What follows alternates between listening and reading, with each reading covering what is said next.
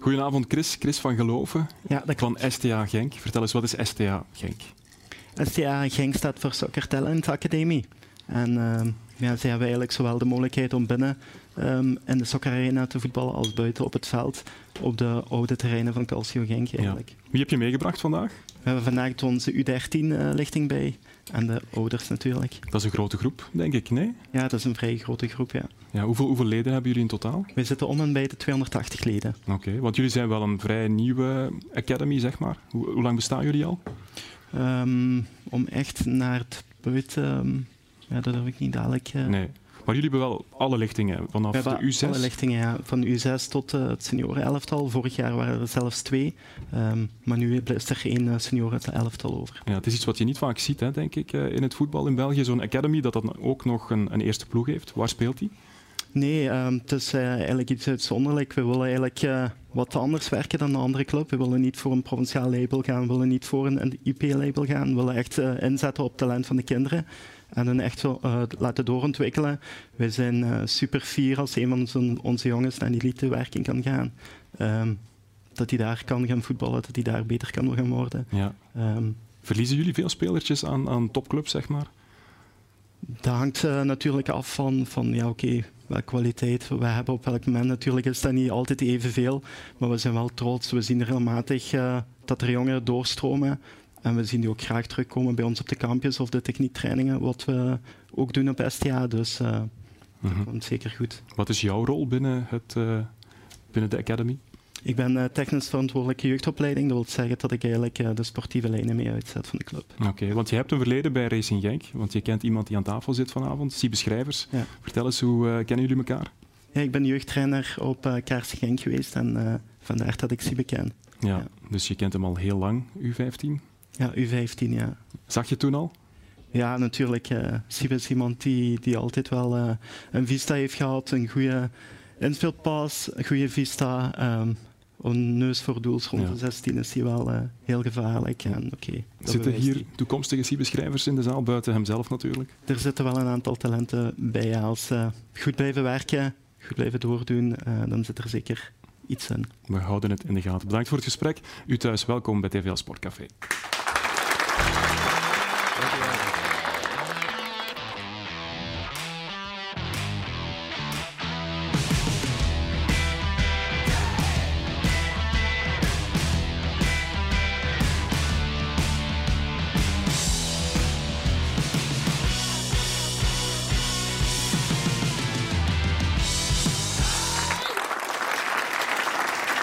hele goede avond, welkom bij Nieuwe TVL Sportcafé. Drie maanden geleden lag ze nog met een lichte hersenschudding en twee gebroken enkels in de lappenmand. Maar afgelopen weekend gleed ze naar een achtste plek op het WK Skeleton. Straks komt ze erover vertellen Kim Meilemans.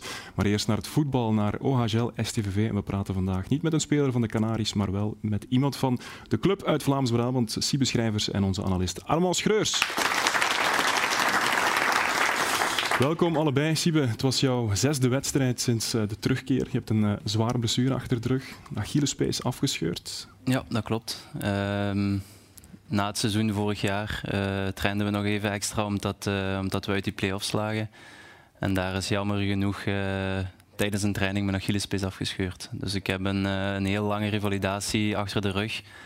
Maar ik ben wel heel blij dat die, dat die voorbij is en dat we nu vooruit kunnen kijken naar, naar de komende wedstrijden. Ja. Na het seizoen een blessure oplopen. Je valiezen stonden waarschijnlijk al klaar.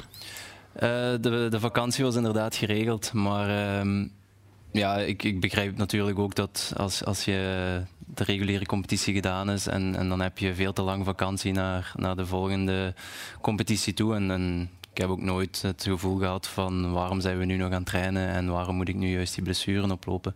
Dat was eh, ja, gewoon heel veel pech op, eh, op een verkeerd moment. Ja, je hebt je comeback gemaakt eind vorig jaar. Zat die blessure in die eerste wedstrijden, in die eerste trainingen nog, nog in het hoofd? Eh, nee, bij de wedstrijden niet meer. Bij de, bij de trainingen natuurlijk wel. Maar je hebt zoveel tijd doorgebracht met de kines in de zaal en ook op het veld om, om te testen of alles wel gaat. Dus dat vertrouwen was er wel. En ehm, van het moment dat ik minuten maakte in, eh, in de competitie, was er, was er geen schrik meer. Ja, je hebt die eerste seizoenshelft gemist, uiteraard. Maar je bent wel altijd betrokken geweest bij de club. Ook uit wedstrijden heb je nooit gemist.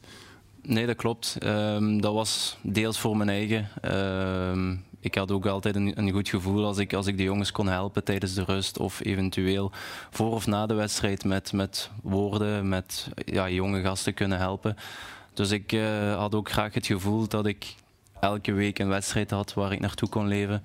En dat heeft mij ook wel geholpen om, om door die blessure te komen. Ja, maar doet dat niet extra pijn als je dan iedereen ziet bezig zijn met de opwarming en jij zit daar dan in die tribune? Ja, dat hangt van, van match tot match af. Er zijn matchen bij waarvan je, ja, die heel veel pijn doen dat je niet kan spelen. Um, dan, dan doet dat wel pijn. Maar ik denk dat ik op mijn manier nog wel belangrijk ben kunnen zijn voor, voor de club. En uh, dat ze het zo goed deden in die eerste seizoenshelft uh, heeft er ook bij geholpen dat, ay, dat ik me niet wou forceren en, en, extra mijn best doen om zo snel mogelijk terug te doen. Oké, okay, goed. Zo dadelijk gaan we verder praten. Eerst gaan we kijken naar een overzicht van het voorbije weekend.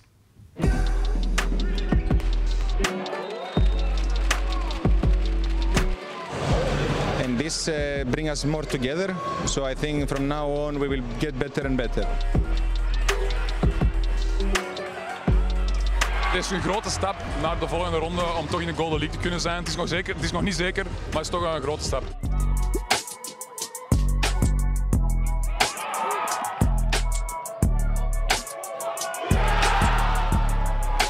Het is niet altijd leuk om op de bank, te zitten, maar uh, ja, als, als die kans er komt, dan moet je er klaar staan. Dat, tonen dat de coach op je kan rekenen. Ik heb dat vandaag gedaan.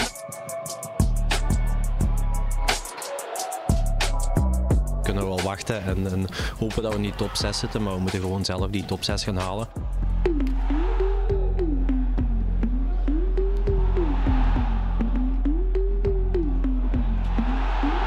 Prioriteit is dat we op onszelf focussen en, uh, en elke week de punten pakken, want uiteindelijk gaan we, gaan we hun ook nog, uh, nog tegenkomen. Pense que ça pouvait être euh, euh, de un d'un côté comme de l'autre. Donc, euh, donc voilà, c'est un, un, bon point pour nous et on va continuer notre, euh, notre marche en avant.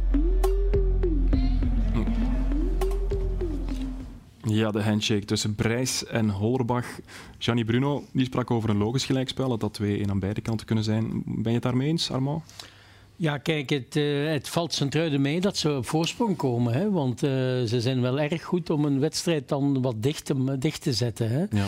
En uh, dus in de wedstrijden waarin STVV op 0-1 komt of 1-0, ja, dan kunnen ze dat wel afwerken. Hè? Het is anders als ze op achterstand komen. Hè? Ja, gelijkspel. Was jij het daarmee eens? Ja, ik heb het daar een beetje moeilijker mee. Zeker en vast omdat we de wedstrijd niet goed begonnen. En, en dat is juist het jammer dat je dan zo vroeg op achterstand komt. En ik heb wel het gevoel dat als wij um, een van die kansen afmaken in de eerste helft, dat we er in de tweede helft over konden gaan. Nu, we scoorden wel nog vroeg in, de tweede helft, maar we hebben ook nog te weinig gecreëerd om, om echt nog uh, dat tweede doelpunt te maken. En, het kon inderdaad langs, langs beide kanten komen. Ja, de gelijkmaker, jij lag daar uh, aan aan de basis. We gaan eens kijken naar die strafschopfout. Armand, kan jou eerst eens laten beoordelen. Was dit een uh, terechte strafschop? Want er was wel wat om te doen achteraf. Er was wel wat om te doen, maar ja, kijk, als ik. Uh, ik, ik, vond het wel strafschop, ja. ja. Want uh, Bernd als, Hollerbach, als ik mijn, mijn, mening mag zeggen, vond ik het wel, ja. Bernd Hollerbach gaf ook aan dat het voor hem een uh, correcte strafschop was. Ik las vandaag Serge Gumini, die zei van nee, het was geen strafschop. Ja, je hebt het... Je hebt het zelf mogen voelen, hè? want uiteindelijk raakte je ook licht geblesseerd bij die fase. Ja, ik vind het een beetje raar dat er zoveel uh, commotie rond is gekomen daarna. Want ay, ik heb op geen moment op dat moment gedacht van uh, ik ga me laten vallen, ik ben in de 16. Ik had geen kans om recht te blijven. En ik heb inderdaad vandaag nog een, uh, ay, bij de kine langs moeten gaan voor, voor de verzorging. Dus uh, ik voel het nog wel altijd. Hè. Ja, geen discussie. Dus de top 8. Mag ik eens iets vragen? Ik heb dat ehm, vaak al gelezen bij heel ervaren spelers. Als je uit een blessure terugkomt, dan moet je opletten om niet anders te gaan lopen dat je eigenlijk je lichaam wat gaat ontzien. En het anders lopen kan net weer leiden tot andere problemen. Ja, dat klopt. Ik denk dat als er vaak uh, momenten zijn dat je een kleine last hebt ja. en je loopt een beetje anders, dat je dat minder gaat voelen. Maar ik heb um, zoveel tijd met, ook met de podoloog, met de kines doorgebracht om, om alles te perfectioniseren. En dat is goed gelukt, want ik heb eigenlijk na mijn, in, in het terugkomen van uh, van deze blessure heb ik geen nieuwe blessures gekregen. En dat ja. zie je wel regelmatig. Ja, hè, dus ja. ja. naar de top 8. Jullie staan tiende. De ambitie is uiteraard top 8. Maar ik zeg dat jullie een wisselvallig seizoen draaien? Zeker nu de laatste weken. Ja, dat klopt. Ik denk dat we de laatste weken te weinig um, kans hebben afgemaakt om wedstrijden te winnen. Dat we vaak wel de betere ploeg zijn, maar jammer genoeg niet met drie punten of soms met één punt uh, naar huis kunnen gaan. En dat, ay, dat is al te veel gebeurd dit seizoen om, om vast in die play-offs te staan. En nu wordt het nog altijd spannend en zijn de, de komende, komende wedstrijden heel belangrijk. Dan is het ook geen toeval die laatste weken dat jullie net Mario González misten, denk ik dan. Ja, onze, onze spits is heel belangrijk voor ons. Um, ik denk dat hem ook tweede of derde staat in de, in de top, topschutterslijst. Um, dat is een beetje het verhaal gelijk Thomas Henry. Die maakt ook uh, ja. heel veel goals en, en die nam de ploeg zo mee naar een hoger niveau. Um, wat niet wil zeggen dat onze vervanger het heel goed gedaan heeft. Het is een jonge gast die enorm hard werkt. En ik denk dat uh, dat ook sowieso sterke punten van onze ploeg zijn. Ja, Armand King Power prijkt op de shirts bij, uh, bij Leicester, wou ik zeggen, maar ook bij Leicester, maar ook bij OHL natuurlijk. Um, het is een club met heel veel ambitie. Ze hebben die ambitie ook al een paar keer uitgesproken. Hoe kijk jij dan naar uh, ja, de huidige situatie? Ja, ik mis soms een beetje Siebe, mes tussen de tanden. Zo van, we moeten echt nu voor een resultaat gaan. Ik, ik vind altijd, ligt dat dan niet aan de kleedkamer, waar dan uh, misschien uh, niet zo figuren zijn, zo'n type Richie de Laat bij Antwerpen of Vormer voor Brugge, nu Zulte Waregem. Dat zijn van die types, denk ik, die in een kleedkamer de boel uh, opjutten. Is dat wel bij Leuven? Ja, ik denk dat we wel een paar jongens hebben die die rol zeker en, zeker en vast op zich willen nemen. Um, Mathieu, Casper, ikzelf ben daar, ben daar zeker bij. Um, maar het klopt inderdaad dat, dat soms hebben we het gevoel na de match van konden we daar geen extra foutje maken of konden we ja. hier niet wat gemener zijn en, en dan kon, kan die kans bijvoorbeeld niet komen. Dus uh, het klopt wel een beetje wat u zegt. Ja. Ja. Sla, sla je zelf vaak op tafel in die kleedkamer?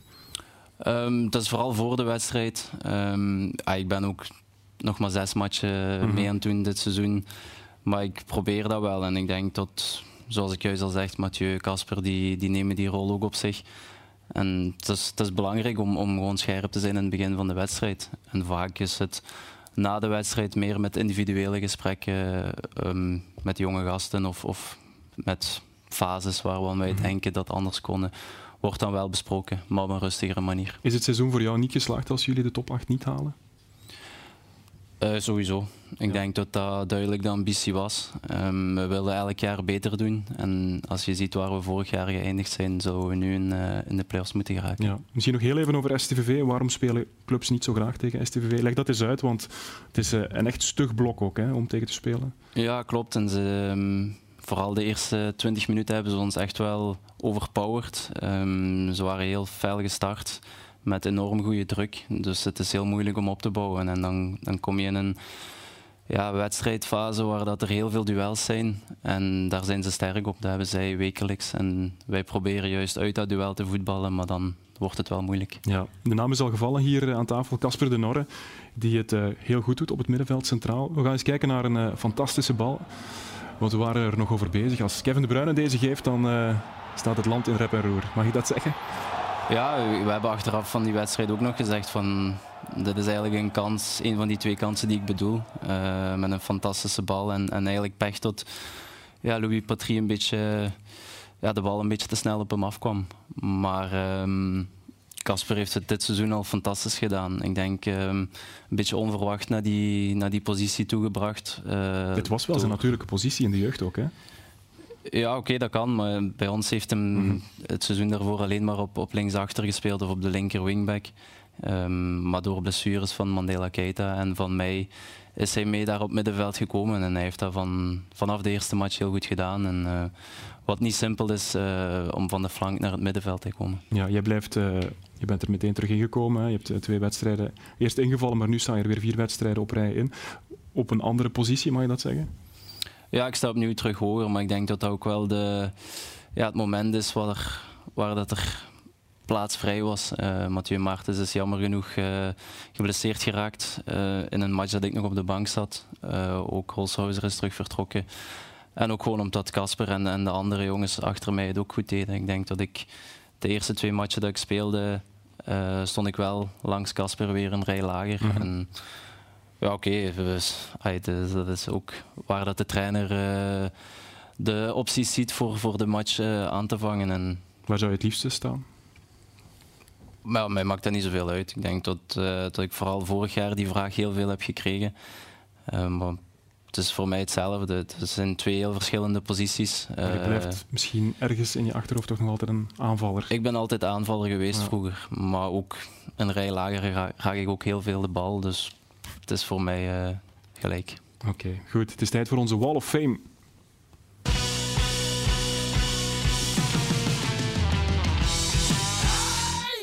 Deze week werd er met Simon Mignolet opnieuw een eh, Limburgse gouden schoen verkozen. We hebben al heel wat Limburgse laureaten gehad met Poleunis, Van Moer, Gerrit, noem maar op. Eh, ik vergeet er nog een paar, Van Aken. Maar wij keren vandaag terug naar 1988.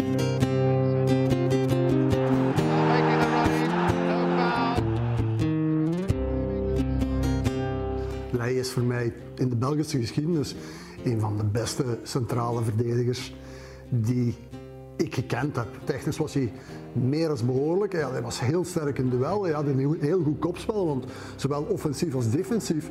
Eh, offensief maakte hij regelmatig golen met de kop. Eh, hij was een leider. Ja, als je al die capaciteiten bundelt, ja, dan heb je een topper. Hè.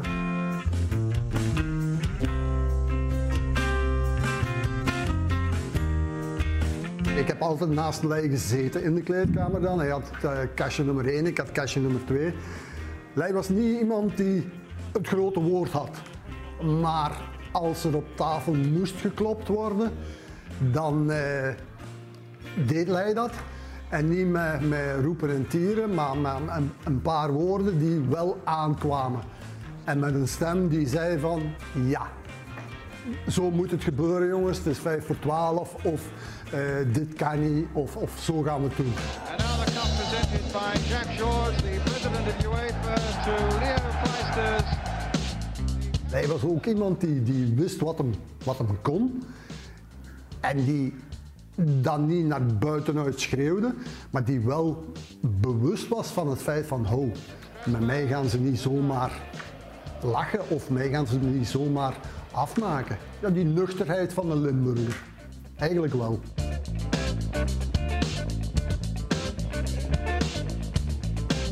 Als ik kan, ga ik elke thuismatch van Mechelen kijken.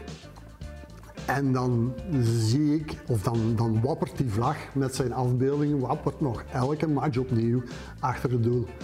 En ja, Lei, is wel een Limburger, maar Lei is een Mechelaar geworden. Uh, ik herinner me ook op, de, de, de afscheidsmatch dan, stonden we met een aantal jongens stonden we rond de middencirkel en ik heb, op een voetbalveld heb ik zelden zo'n moeilijk moment gehad. Uh, ik, ik, herinner me dat ik naast Vivan Hoofd stond en dat wij allebei uh, met de tranen in de ogen rond die, rond stonden. En dat was wel dat was aangrijpend.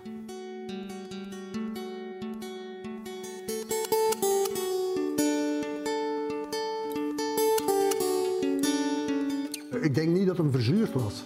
Maar ik denk dat hem dat een beetje speelde, omdat hij vond dat al die, die hadden rond en al, dat was, dat was bijkomstig voor hem. Uh, het voornaamste was zijn prestatie en dan met Elken en, en, en Kim de prestaties van zijn dochter. En hij, hij, zoals ik hem ken, speelde hij dat om met rust gelaten te worden. En dat siert hem ook natuurlijk. Maar als je, als je door die bolster of door die, die verdedigingswal, uh, of over die verdedigingswal kwam, dan, dan was hij een, een, goede gast. Een hele goede gast. Een goede, eerlijke, gevoelige gast. Lei was een mooie mens.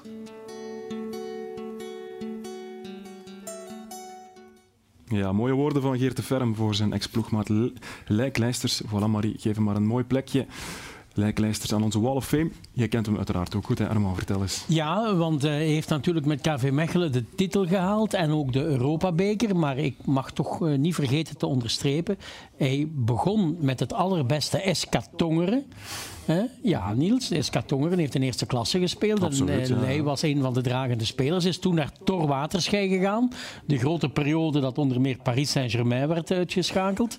En dat waren dus twee perioden. De beste periode Tongeren en de beste periode eh Tor Waterschei.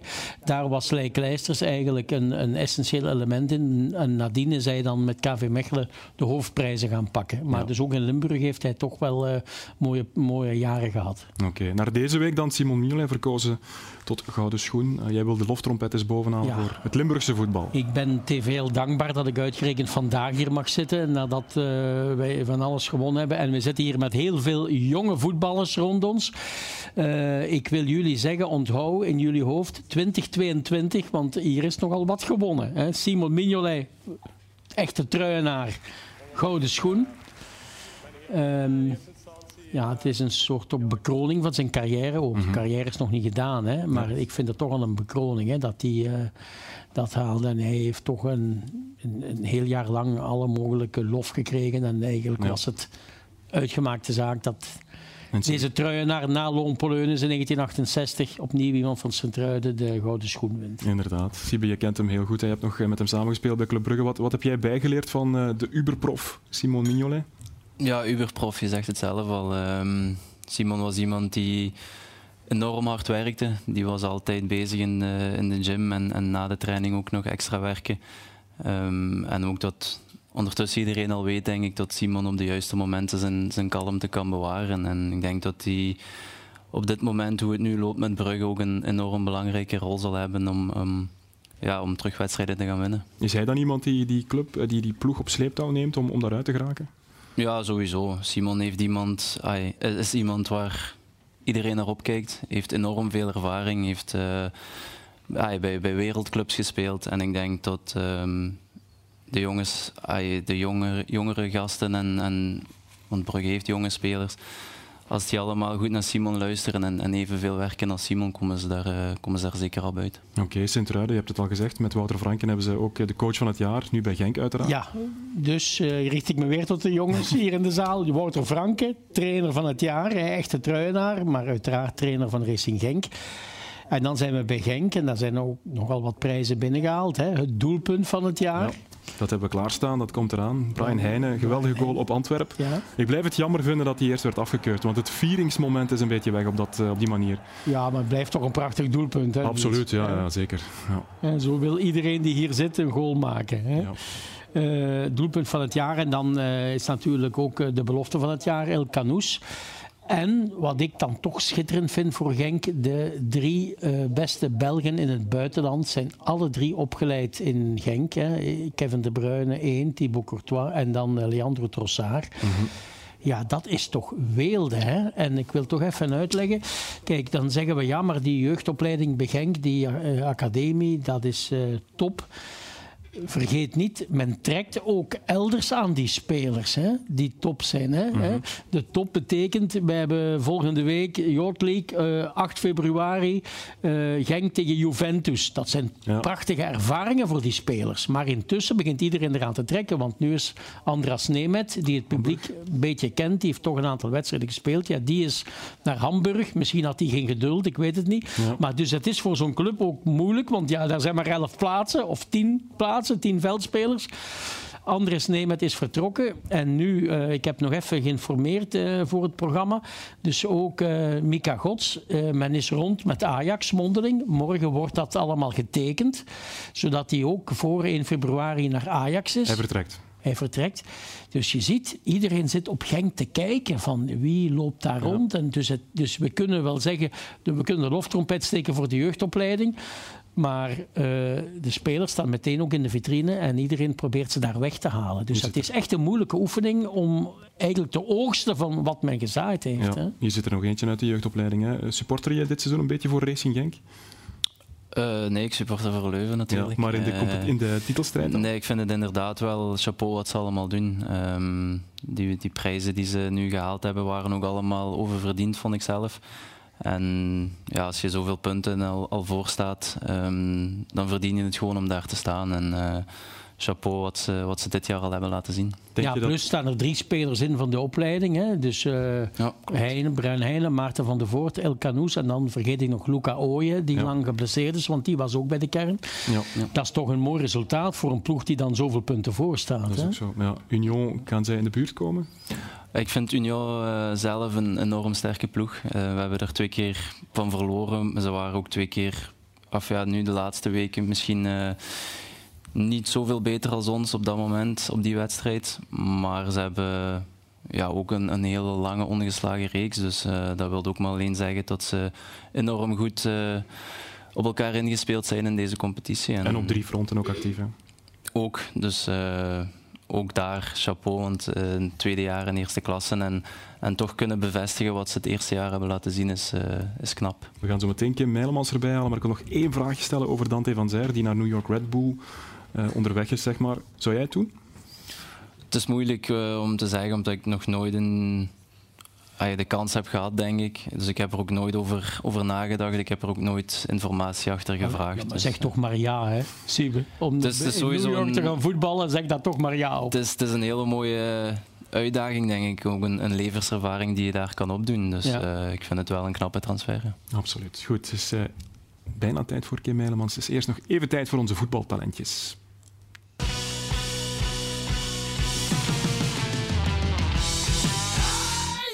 Onze deelnemer vandaag komt uh, vanuit Sint-Truiden. Ik weet niet of hij in Sint-Truiden woont, maar hij speelt in ieder geval voor STVV Mattia Noviello. Hier komt hij.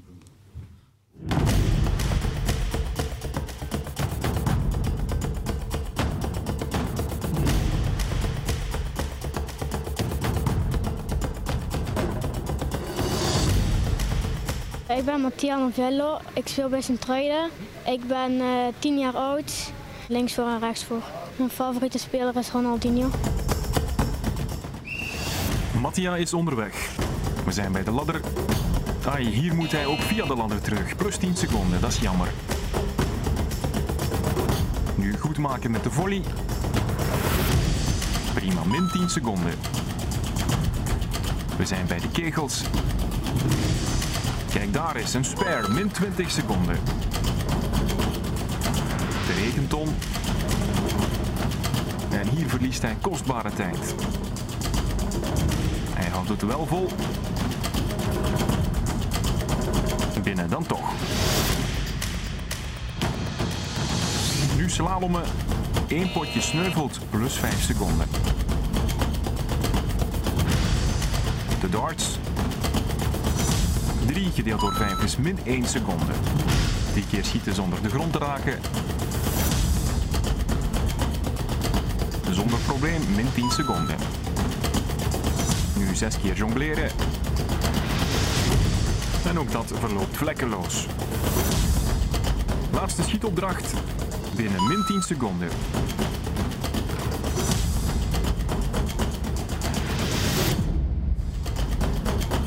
Nu finishen in 2.09.28. Daar gaan 36 seconden vanaf. De eindtijd voor Mattia Noviello van STVV is 1.33.28. Oh, ça Ik kon het wel beter. Alleen daar een tafel bij die ton daar. Voor de rest, ça va.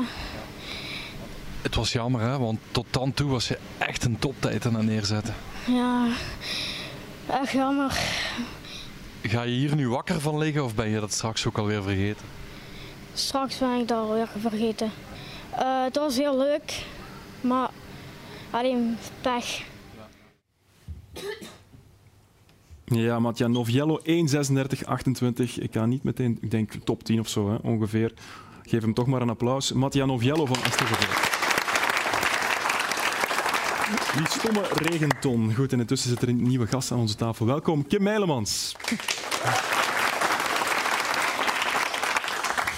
Kim, kan je jou eerst iets vragen? Want uh, Marie staat klaar met onze beker. Je mag een nieuwe naam uit onze Dribbelkoning Cup halen en die meteen luidop voorlezen. Howard Junjaid, denk ik, KRC Genk. Oké, dus uh, vandaag STVV, volgende week Racing Genk. Goed, Kim, laten we het, laten we het hebben over uh, Skeleton. Hè, want je hebt uh, een WK achter de rug. Ja. Je hebt een hele zware blessure achter de rug. Twee keer je enkel, of ja, twee enkels gebroken, ik moet het zo zeggen. En dan toch achtste worden. Hoe kijk je daarop terug, op dat voorbije weekend? Ja, het was een heel positief weekend, zeker uh, weten. Uh, ik denk de, de, hele revalidatie is zo wat ideaal verlopen. Um, alles ging veel sneller dan we verwacht hadden. Um, iedereen heeft zijn deel perfect gedaan, wat ook ja, niet normaal is. Iedereen wist echt exact wat te doen is. Um, en dan ja, was het doel eigenlijk om op het WK te geraken gewoon. Um, de, de, eerste wedstrijden waren dan al vrij goed. Uh, dus dan begint natuurlijk het vertrouwen ook een beetje terug te komen. En dan ja, het, het WK uh, terug top 8 te staan is wel een, een deugddoening. Ja. Ga nog eens terug naar de blessure, hoe je die precies opliep. Het was een um, crash op training. Ja, ja, inderdaad. Het was een, een, crash op de snelste baan ter wereld in Whistler in Canada. Um, dat was uh, de eerste dag daar, helaas. Um, en ja, ik verlies gewoon de controle over mijn slee volledig. Uh, dus ik begin te skidden. en op het ja, slechtst mogelijkste moment eigenlijk krijg ik terug, dankjewel, uh, greep op mijn runners. En ga ik hoofd vooruit eerst uh, tegen de muur en dan gedraaid. En mijn enkels zijn dan op een of andere manier ook nog neergekomen en omgestaan. Um, en dan waren er nog... Uh, tien bochten te gaan. Dus, uh, ja. Ja. Had je meteen door dat het uh, heel ernstig was? Ik had vooral heel veel schrik voor mijn hoofd, ja. uh, omdat de impact echt wel recht was. dus ik voelde de um, muur op me afkomen. de enkel, ja, dat was pijnlijk, maar ik wist niet zeker hoe zwaar dat was. Maar in de finish ben ik recht gestaan en ja, ik niemand had door dat het een crash was, omdat ik verder afgedaald ben.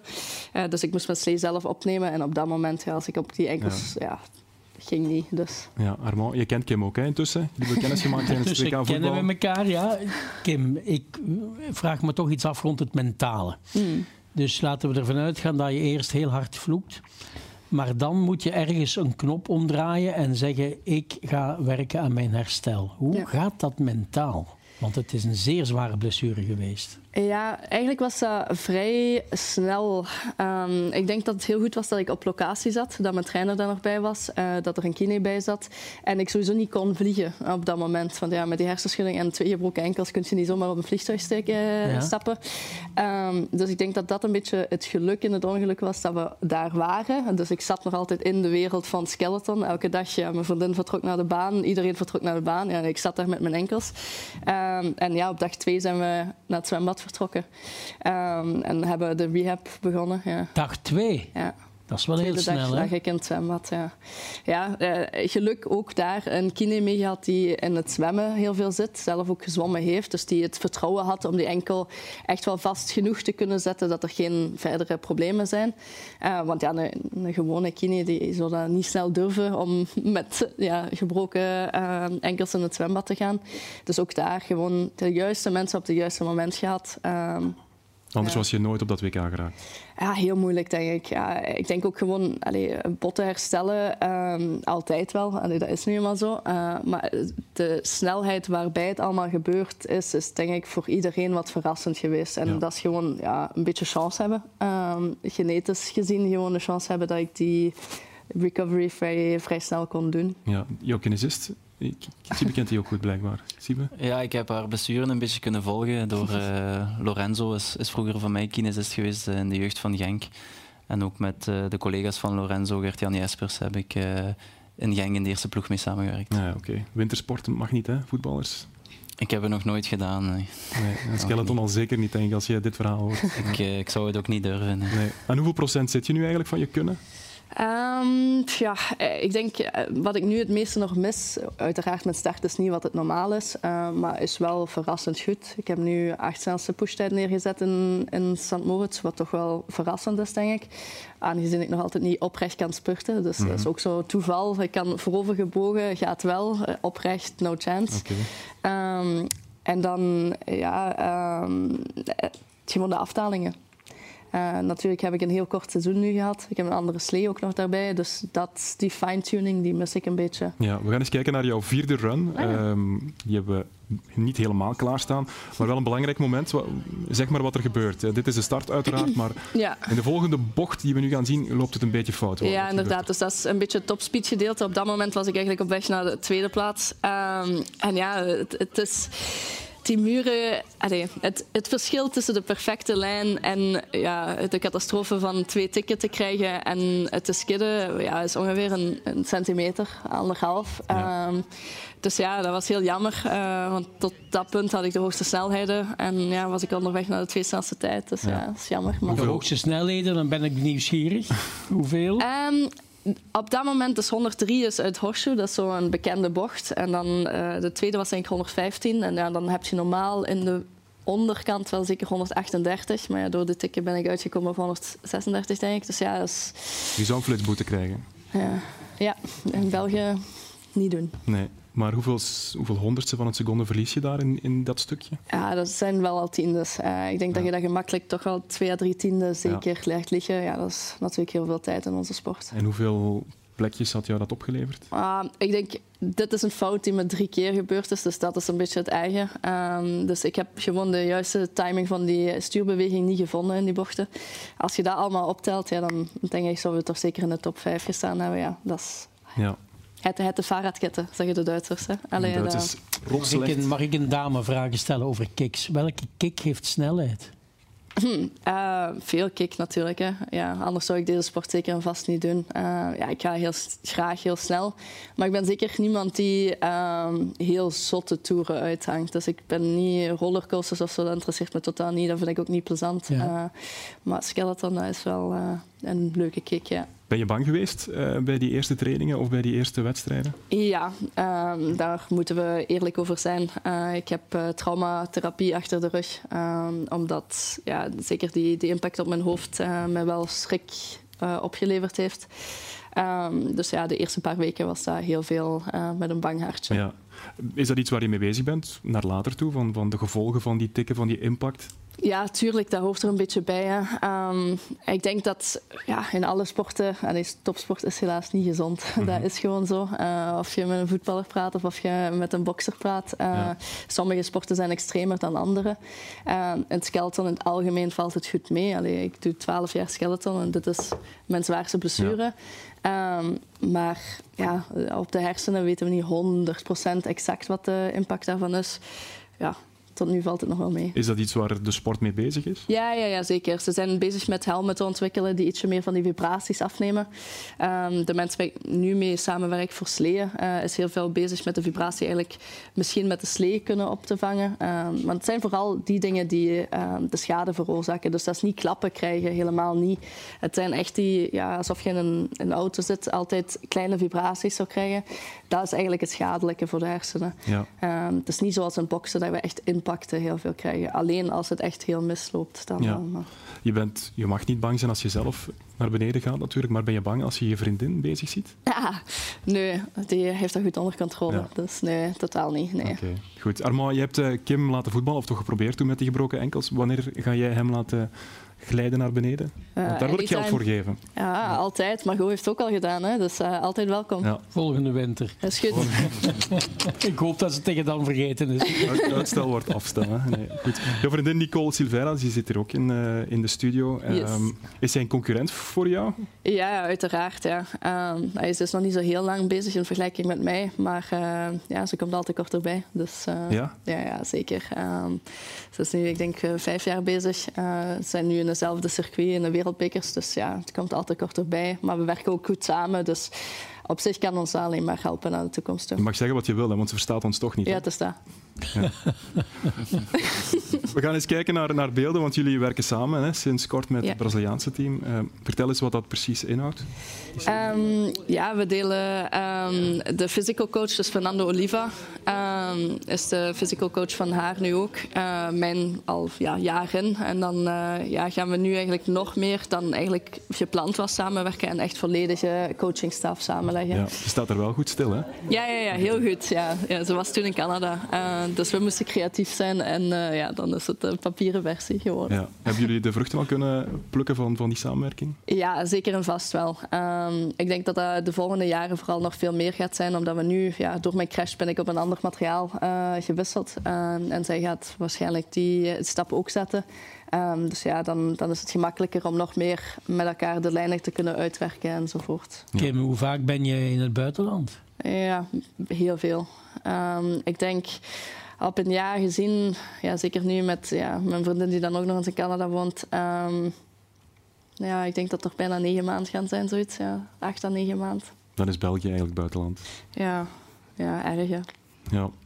Eline Bering zagen we ook op de beelden, ja. uh, maar zij doet het psychologische aspect. Hè? Yes, inderdaad. Zij is de sportpsycholoog met die ik samenwerk. Ja. Ja. En kriebelt het bij haar soms niet om, om bij die spurt te helpen? Want ja, ze blijft natuurlijk een atlete. Hè? Ja, dat is grappig, want in uh, Skeleton zijn ze nu aan het denken om een reactiestart in te voeren. Um, en dan hadden we inderdaad het gesprek, want Eline was een van de absoluut beste starters uh, in ja, horde, maar ook in sprint. Mm -hmm. dus daar zou ik haar zeker in uh, beroep uh, nemen om dat ook nog aan te pakken. Ja. Ja. Wat zijn de doelen nog voor dit seizoen, 2023? Um, we hebben nog twee wereldbekers. Um, volgende week vrijdag en dan nog uh, een week daarop ook nog in het ene. Zijn op twee banen die ik heel graag heb. In Innsbruck in Oostenrijk en in Sigulda in Letland. Dus okay. we gaan nog eens alles geven. De winterspelen, dat is pas in 2026, Milaan. Ja. Um, hoeveel rek zit er nog op Kim Meilemans? Want je, je bent ja, deze, dit WK kan je misschien niet helemaal meetellen natuurlijk met die blessure. Je bent achtste geworden, maar in 2017 was je vijfde. Ja. Wat is jouw plafond, denk je? Ja, ik denk dat ik voor dit seizoen gezegd heb dat uh, de, ja, het, het, doel is om de overall title te winnen. Dus nummer één van de wereld te zijn. Ja. Um, en dat blijft het doel. Um, ik denk dit jaar uiteraard hebben we heel veel wedstrijden moeten missen. Um, maar volgend jaar gaat er opnieuw het doel zijn. En wat betekent dat dan met het oog op de Spelen? De spelers zijn altijd een, uh, een eigen wereldje, zullen we zo zeggen. Um, ik heb twee spelen meegemaakt en op die spelen is het twee keer volledig uh, ja, niet verkeerd, maar anders gelopen dan, ja. uh, dan dat ik verwacht had. Dus ik heb een beetje afgeleerd om veel op die spelen te focussen. Ja. Uiteraard is het het grootste evenement wat er is voor ons. Um, en ik kijk er altijd naar uit. Um, maar ik denk dat als ik tegen dan mijn doelstelling kan halen om wereldtop 1 te zijn, ja, dan zijn de spelen een beetje een bonus. Ja, je moet revanche nemen voor Peking, hè? Ja, dat zou mooi zijn, ja. ja maar... Erger kan het dan vast niet meer worden, denk nee, ik. Nee. Hopelijk. Dat is waar. Goed, oké. Okay. Siebe, de laatste vraag is voor jou. Jij moet ook opletten voor de enkels komende, komend weekend, want jij speelt op Serrain, de akker van Serrain. Kijk je er naar uit? Ja, dat is nu niet de, de meest aantrekkelijke wedstrijd, maar voor ons wel heel belangrijk. Oké, okay, goed. We gaan afronden, onze tijd zit erop. Ik ga jullie alle drie bedanken. Kim Meilemans, Siebe Schrijvers, Armand Schreus en uiteraard ook de mensen van STA Genk. Eindigen in Westerlo, waar ze vorige week Lyle Foster voor veel geld verkochten aan Burnley. Ze bleven heel rustig, geen paniek, absoluut niet. Nu, dat had te maken met de Limburger die klaar zat om hem gewoon probleemloos te vervangen. Kian Vaze scoorde meteen twee keer, zoon van Nico Vaze, dus hij heeft alvast een goede makelaar. Dus uh, makelaars, u hoeft niet meer te bellen. Goed, bedankt voor het kijken, tot volgende week. Ik werd vandaag in de baas gezet en dan probeert je uh, eerst en vooral in het spel gewoon al uh, je bijdrage te brengen. En uh, als je dan nog twee doelpunten kunt maken, is dat heel fijn. Ja.